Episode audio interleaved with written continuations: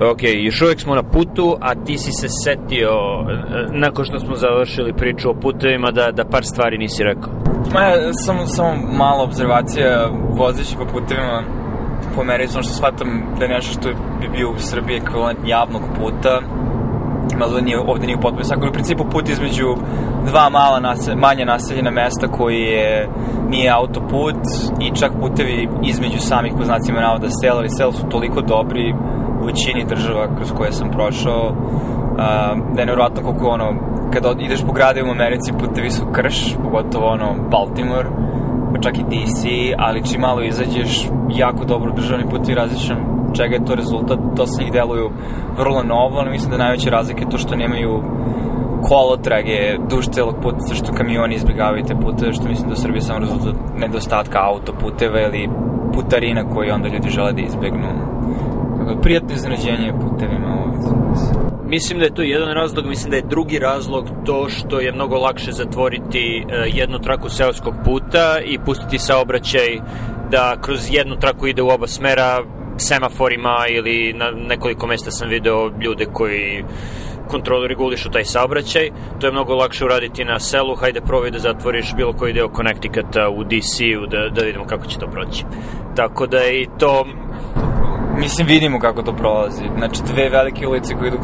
ka mom delu grada su sada zatvorene katastrofe. Da, mislim da je to i funkcija toga. Idemo pravo. Odnosno stavimo na semaforu. Ok. Uh, ono što ja nisam rekao je kada pričamo o, o seoskim putevima i country muzici da, da stavim link ka uh, pesmi Country Roads Johna Legenda koja je himna zapadne Virginije, a upravo smo ne vraćamo se sada iz zapadne Virginije, ali je nama bila, ne tebi. Uh, usputna stanica proveli smo 3-4 uh, lepih dana na, u planinskoj kolibi tamo. Tako da je pesma Country Roads, melodiju će prepoznati ljudi koji slušaju uh, opis uh, najpoznatije kraljevca country muzike u Srbiji Bore Đorđevića uh, ne sjećam se kako je beše ta pesma na srpskom ali prepoznaćete melodiju Da, mislim da prljav, prljavi inspektor Blaže obradio to Srbiju, Srbiju Srbiju, on kad se vraća kao gastarbajter. Da, to, to je Blaža. Da, prvi inspektor Blaža. Ali zanimljivo da si spomenuo tu pesmu, to me podsjetilo što je to jedna od pesma, pesama i to je možda zašto country muzike generalno privlačena ljudima koji i nisu odavde, zašto su teme i opet problematika vrlo bliski generalnom ljudskom stanju i ima ta tuga, ta seta, mislim, ko što je po Balkanu Sevdah, a kad je autentičana, to je da ta pesma zaista je univerzalna himna gde ono, sam vidio ljudi kače po Twitteru kako ono Indusi u Indiji puštaju tu pesmu i ono tuguju za svojom rodnom grudom, tako da iako je pesma u zapadnoj Virginiji i, i ovaj, rekama tamo, mislim da, da je univerzalna poruka te pesme, zato je tako popularna. I da završim ovo, e, zapadna Virginija je nešto najbliže na severnoameričkom kontinentu što ćete naći zapadnoj Srbiji. dakle, planinski kraj, šume koje doduše nisu zimzelene, nisu četinarske, više su listopadne, ali je to taj reljef, to je možda taj i taj uh, mentalitet s obzirom da je to jedina država u Americi koja potpuno pripada samo jednom regionu, a to je region Apalačkih planina koje su uh, jako stare i obrasle u šume koje srećom nisu posečene, a one koje jesu sada rade ponovno pošumljavanje. Tako da jako lep kraj, samo 2 miliona ljudi na području samo malo manjem od uh, cele Srbije. Ok, to je, to je, da, zatvaramo krug puteva i country muzike. Sada da se nadovežemo na onu priču o produktivnosti, pričali smo o Hoćeš to ili nešto drugo? Ne, ne, zato što može, to mi nekako već ostalo zabeleženo kao recka, ali ajde sad, da, pošto mi otvara se ova druga tema, da se to da se nadovežem. Znači, pričali smo o milijarderima u Americi i koliko su generalno omraženi, no isto vreme koliko CEO i kompanija na neki način jesu nezamenljivi ili barem u velikoj meri bitni za kreiranje a, svega što te kompanije stoje, slove za nas i samim tim velikih dalekosežnih posledica po društvo u zavisnosti od bitnosti same kompanije, ali generalno primjer koji mi pao na pamet je, i opet htio se dotaknem ko čemu mi u Apple-u, ali ovaj, Tim Cook kao primjer nekoga ko je fascinantnom, možda znači najlogistički opremljen CEO u istoriji i možda, vratno će, ne znam, znači ne, ne znam da li postoje uopšte objektivni podaci na tu temu, ali nekako verujem da u, u krugovima važi za naj, naj, najboljeg CEO ikada, mislim. Uh, objektivan podatak je cena akcije Apple-a kada je on došao na mesto CEO-a 2012. i sada i ona se ne, nekoliko puta se povećao, povećala vrednost akcije Apple-a za vreme za koje je on bio CEO. Koliko god se činilo da je Steve Jobs bio nezamenljiv, jeste nezamenljiv sa kreativne strane, ali je Tim Cook nezamenljiv sa logističke strane i sa strane stvaranja lanaca snabdevanja za Apple. Da, mislim, znači, on čitao sam malo, ima čak i par on, mini dokumentarac ili čega već na YouTube, da baš pričaju o tome kako je on bio u stvari, znači, tokom... Mislim da ga je uh, Steve Jobs u stvari vrbovao za tu poziciju vrlo rano, on je radio za Hewlett Packard ili tako nešto, ono, vrlo kratko i onda se prebacio za Apple i to je baš bilo u nekom prelom trenutku kad se Steve Jobs vratio, niko nije ni znao šta će biti s Apple-om, ali on važi za neko ko je, da, vrlo efikasan, ono, što bi neko rekao, dobro organizovan, proaktivan, dalekosešno gleda i to je bilo njegova uloga u Apple je bilo da izorganizuje proizvođačke lance, snabdevačke lance, a vremenom ga je u stvari Steve Jobs vrbao da bude i njegov zamenik na kraju, što je i bio on jako zanimljivo kako se kultura same kompanije, šta ta kompanija radi, jer ono, Apple je bio neko ko proizvodi jedan uređaj u jednoj klasi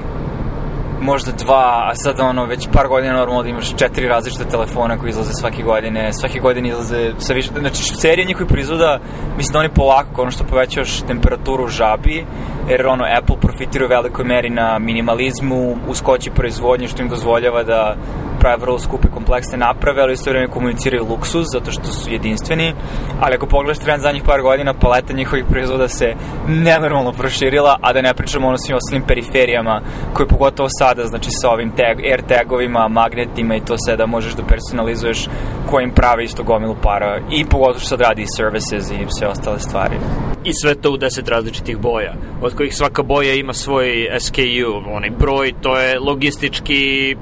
pomutiti se mozak kada mora da razmišljaš, ok, to se proizvodi u 15 različitih fabrika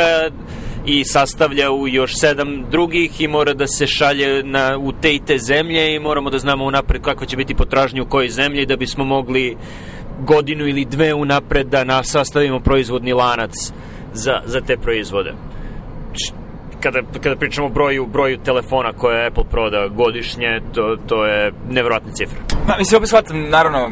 da smo Apple fanbojevi, svako može kaže da, ali Samsung proizvodi tenkove i televizore i ekrane, da, naravno, postoje kompanije koje imaju mnogo širi, šire palete proizvoda, ali, mislim, opet pitanje da li si profitabilan sa tim što praviš, i koliko si profitabilan i mislim naravno, to pričam sada top kompanija, ali mislim što je meni zanimljivo samo kako Apple kao kompanija jeste evoluirao, što nije bilo nešto svojstveno njima, a nešto čega sam, stvari, tema što koju sam želao da započnem, što sam vidio sada su počele da izlaze glasine na temu novih telefona koji će izaći ove godine, uključujući jedna od glasina da telefon, da će većina iPhone-ova, ako ne i svi ove godine, imati um, svakako Pro a, varijante će imati ekran od 120 Hz, što naravno u poređenju sa korisnicima Androida je to nije revolucionno s obzirom da na mnogi, mnoge kompanije već imaju te telefone, za korisnike Apple će biti veliki skok, jer ono, nije isto gledati iPad i kako koristiš iPad i kako koristiš telefon. Um, ali to me natralo da se zapitam s obzirom da Apple nabavlja svoje displeje od Samsunga da li to znači da se Apple dekapluje od Samsunga po pitanju proizvodnje jer to je bilo usko grlo stvari za njih, s obzirom da postoje sad objektivni podaci da će oni da povećaju proizvodnju telefona ove godine, jer očigledno očekuju da će prodati još više telefona. I onda mi to samo natralo da se zapitam da ako to stvarno urade ove godine ili u narednih par godina, znači oni se već dekapluju od, ovaj, dekapluju su se od Intela, ako se dekapluju od Samsunga za displejeve i sad samo treba znači da ono proizvode sve čipove u Americi da ne prave u Kini i mislim da će biti vrlo ono antifragilni po pitanju mislim da, da, da je sve kompanije opekla ova situacija sa covidom i, i blokadom lanaca snabdevanja i proizvodnje ali ako neka kompanija ima višak para koje može da investira samo ono što će meni biti fascinantno je koliko brzo je to moguće. Ali mislim, zato kažem, Tim Cook ako neko može to da uradi, da da to. Ali stvarno ako, ja ne znam ko je tvoj osjećaj da si čuo nešto po pitanju displejeva, nekako nema logike da će da prodaje još više telefona, da će sve displejeve da im prodaje Samsung, jel? Mislim da generalno pokušavaju da centralizuju, se ne da centralizuju, nego da vrate u svoj okvir, ako je kada bilo u njihovom okrilju e, proizvodnja komponenti, da bi manje zavisili i od drugih zemalja i od drugih firmi. Oni su nekada bili, kada je postojao PowerPC, pre nego što su bili na Intelu, proizvodili su svoje čipove, nisu bili dovoljno dobri u tome, Intel ih je prešišao, prešli su na Intel za vreme Steve'a Jobsa,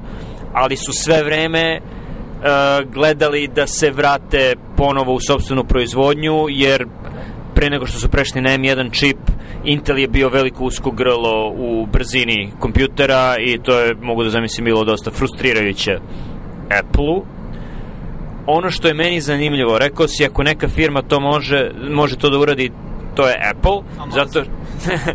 ne, zato što ima višak para. Apple ima mnogo više viška para od Amazona.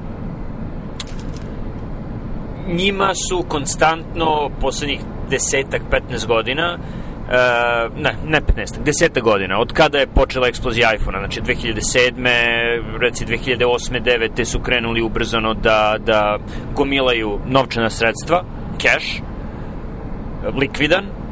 pričali su im zašto ne reinvestirate ili da date akcionarima dividende, dividende Apple su minimalne, zašto ponovo ne kupujete svoje akcije, da smanjite količinu akcija, da na taj način obogatite svoje deoničare, oni to nisu radili i sada se čini da je dobro što to nisu radili, jer je dobro imati likvidnu rezervu para, zbog, jer vam to daje opcionalnost. Da kada se pojavi neka prilika, možete bez mnogo razmišljenja da je iskoristite to, to je isto ono što je Nemačka radila. Znači, znam, opet nisam ekonomista, nisam, ne bavim se financijama, ali znam da su Angeli Merkel i pred nje, ko je bio Gerhard Schröder, pretpostavljam, i generacijama kancelara unazad su pitali su ih zašto Nemačka stalno mora da funkcioniše sa suficitom, zašto nikada budžet ne može da bude bar malo u minusu, zašto ne deficitom se ne finansira privredni rast itd. itd.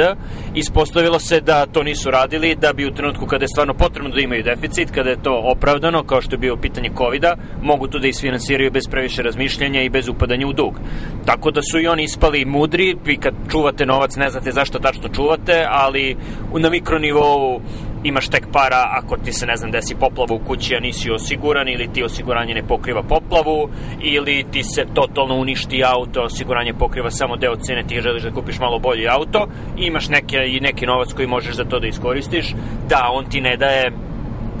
7, 8, 10% godišnje kamate što bi mogao da dobiješ ako to investiraš u neki financijski instrument, ali u tom financijskom instrumentu ne bi mogao te pare da vratiš toliko brzo da ih ponovo iskoristiš. Tako da je sa te strane Tim Cook bio jako mudar i kogod im je CFO, Chief Financial Officer, bio jako mudar što su držali taj, taj štek para. Mogu da pretpostavim da su imali dva velika upozorenja da moraju da promene način e, proizvodnje i da moraju da promene sistem koji je Tim Cook napravio. Prvo upozorenje je bila prethodna administracija u Vašingtonu, koja je počela hladni rat trgovinski sa Kinom u, uvođenjem ovih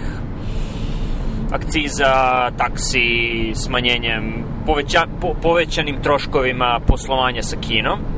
jer sa jedne strane objektivno je skuplje poslovati sa Kinom, a sa druge strane uvek se plašiš da li će Kina iskoristiti Apple kao čip za podkusurivanje sa američkom administracijom i to traje od, ne, nije, nije odmah krenulo, ali od 2017. 18. tako da već 3-4 godine razmišljaju o dekuplovanju od Kine, a uz to su od uvek znali da moraju da se dokuplu, dekupluju od drugih snabdevača velikih, važnih komponenti, što su za Apple, pretpostavljam, čipovi, ekrani i RAM memorija. Čipove mislim da su pokrili, mislim da sada najbolji dizajneri čipova na svetu, nisu najbolji proizvođači jer ne proizvode oni čipove, proizvodi ih Taiwan, TDMSC ili kako se zove, TCMC. TSMC. TSMC, koji će napraviti postrojenje u Americi, jer oni žele geografski da se udalje od Kine, jer opet geostrateški, ko zna da li će Kina nekada pokušati invaziju na Tajvan, što bi bila katastrofa za svu IT Samo industriju. mali komentar, ako treći svetski rat počne, a u, u razmerama svetskog rata najverovatnije invazijom Tajvana, s obzirom da je to toliko usko grlo i fascinantno mi je da toliko fragilna situacija postoji već neko vreme sa toliko geopolitičkih pritisaka koji ima posledice na sve zemlje ovog sveta s obzirom da smo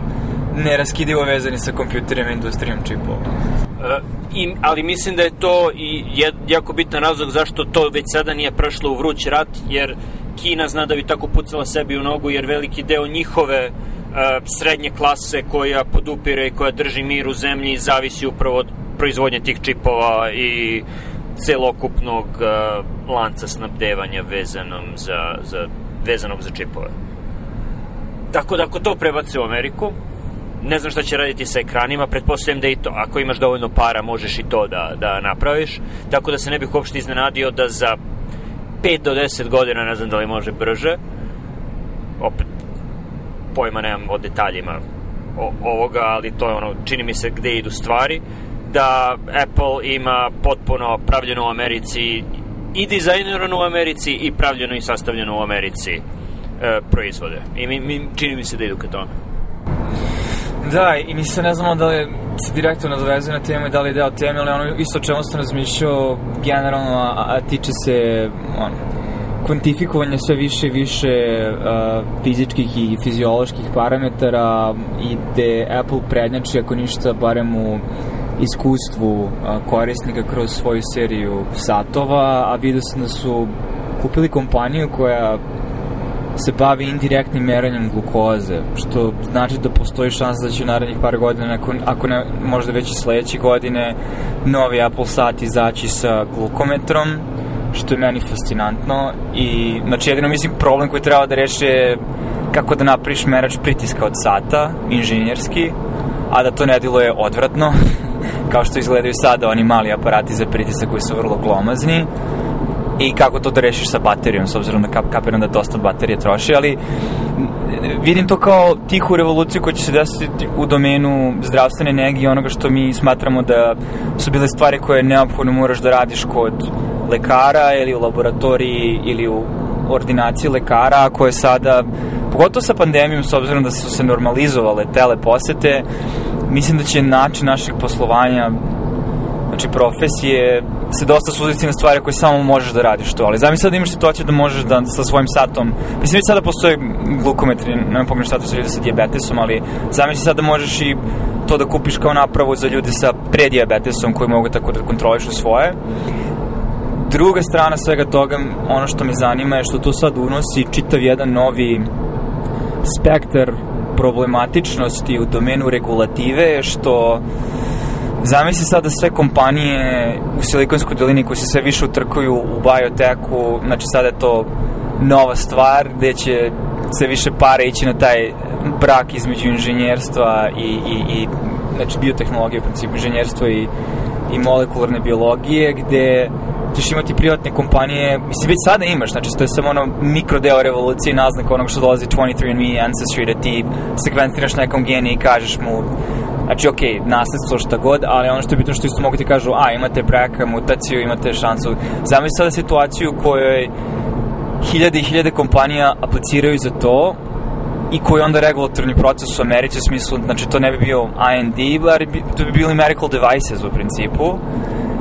I mislim da će to biti veliki pritisak na FDA i regulatorni s obzirom na to koliko ljudi radi tamo, ja ne znam koliko reviewera bi oni morali da zaposle ako se u desetostruči broj privatnih kompanija koje se bave stvarima u zdravstvu, a očigledno mislim da postoji veliki postici, pogotovo što smo videli sada sa covidom i vakcinama, da mislim da dosta ljudi koji imaju viška para gledaju, a možda bi bilo dobro uložiti pari u neku, neku biotech industriju, neku, neku biotech kompaniju. Tako da razmišljam samo koji će pritisak biti s regulatorne strane, da li će FDA to moći da izdrži, u smislu da li ćemo onda vidjeti potencijal neku novu, no, nove horizonte gde će stvari malo više ličiti na ono kako su ličile pre 20. veka, da ćeš imati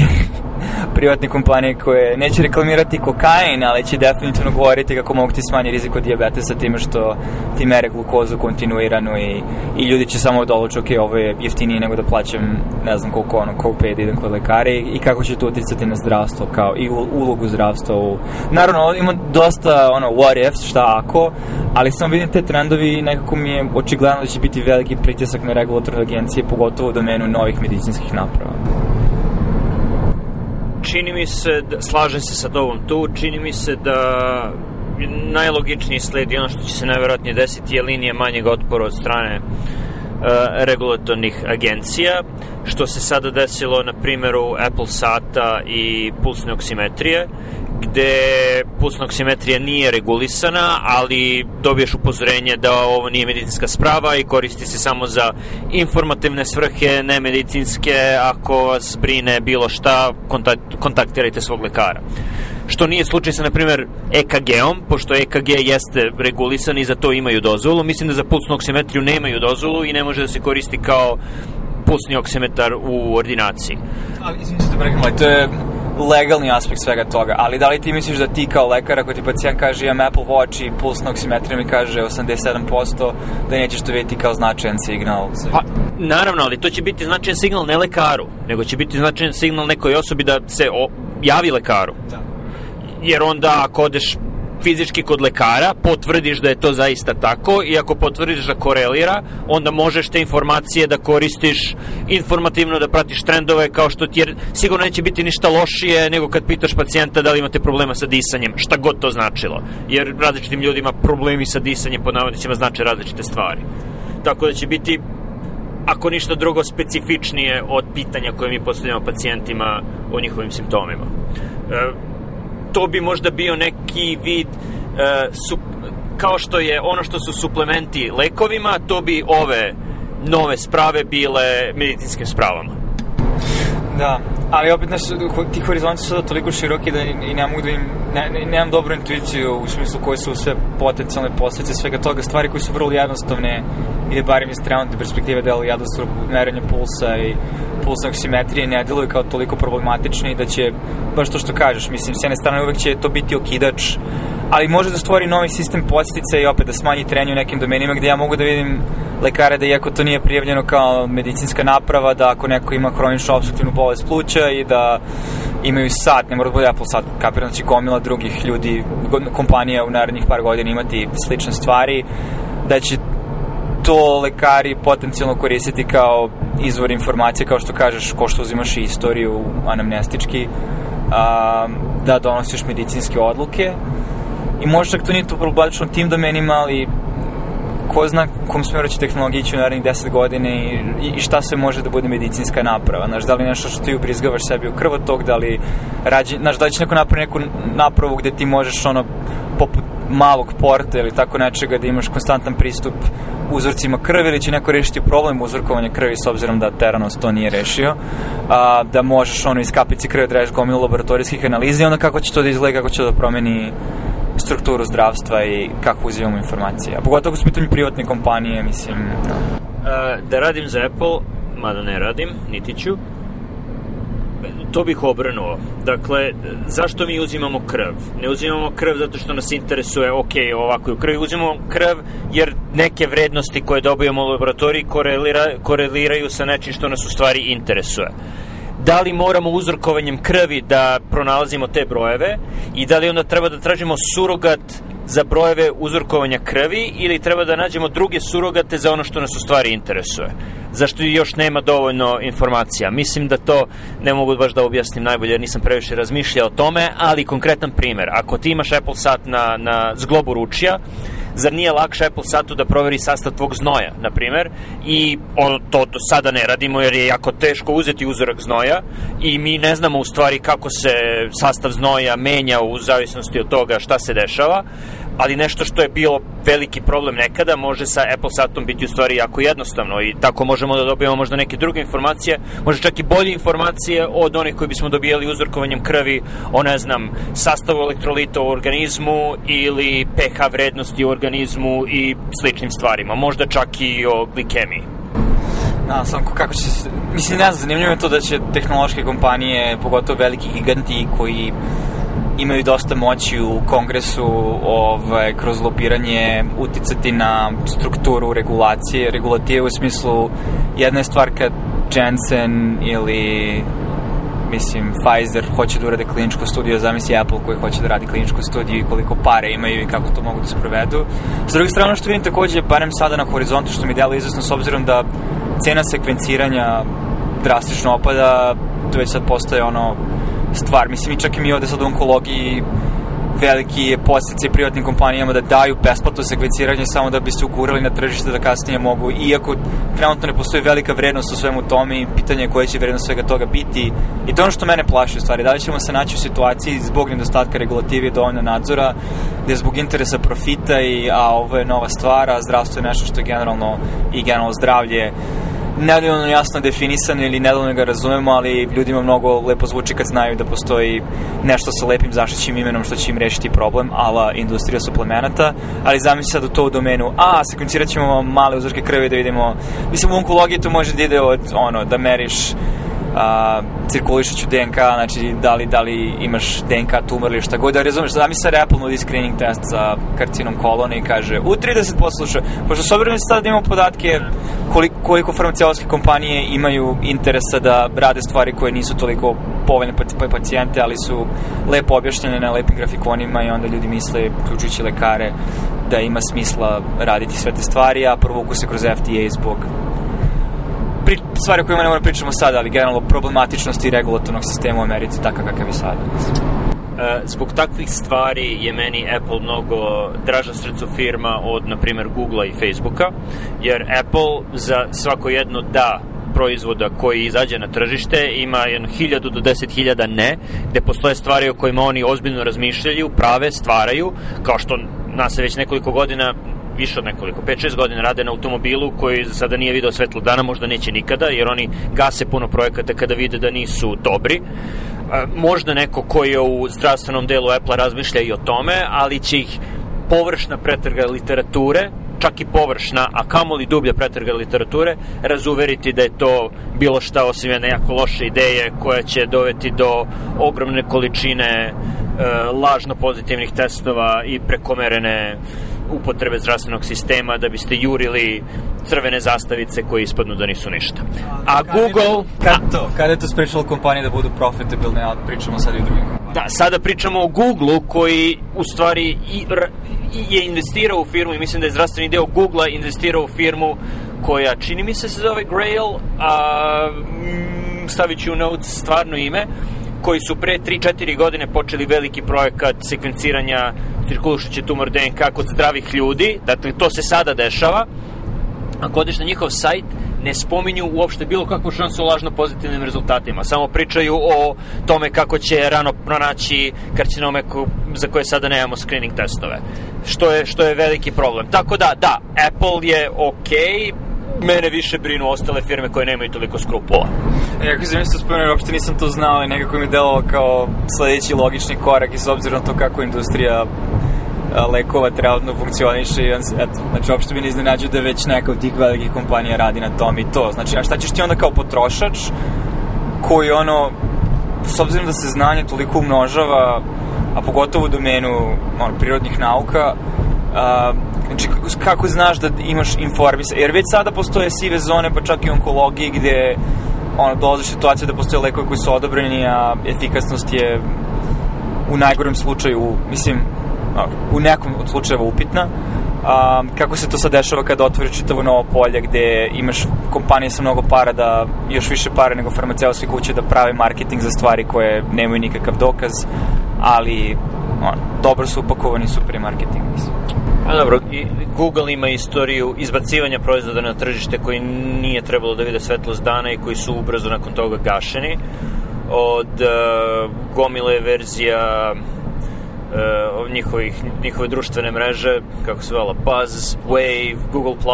ima nekoliko verzija, Orkut koji su kupili, koji je bio popularan u Brazilu, čini mi se, pa do, ne znam, Google naočara i drugih stvari. Znači, oni izbacuju dosta nedopečenih stvari na tržište. Uh, ono što je problem ako počnu da se upliću u diagnostičko-terapeutske stvari je da e, mogu da načine stvarnu štetu.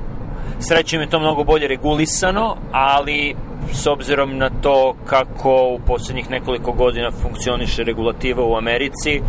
ima razloga za zabrinutost. Ali ne samo to, znači samo zamisli sada proces reviewovanja kada imaš opet 10, po, 10 puta više kompanija koje se prijavljuju za, znači, a mislim ono, problem koji će američka vlada vrlo ubrzo morati da počne da rešava je to da će morati zaposle gomilu ljudi u FDA-u i da obuče gomilu ljudi da se bave regulativom novih stvari koje će izaći na tržište ako žele da održe bilo kakav privid a, nepristrasnosti u celom domenu ili, ili alternativa ono je ulazimo u novo doba snake oil salesmana gde ono mislim prodajemo stvari koje rešavaju sve probleme, ljudi zarađuju pare, a pitanje je da li je dobro pozdravljaju to što kažeš, da li potencijalno loše pozdravlja ljudi ukup sve ukup. Da, mislim da u, u nekim aspektima, bar što se tiče lekova protiv raka, smo već u, u periodu zmijskog ulja gde postoje gomila proizvoda koji su odobreni na osnovu studije druge faze i skromnih efekata za koje, ok, verovatno ne štete, a i ako štete to su ljudi sa rakom koji će onako umreti, kažu cinici, ali je zaista pitanje da li, da li produžavaju život ljudi ili čine njihov život lakšim, boljim. Nisam optimista.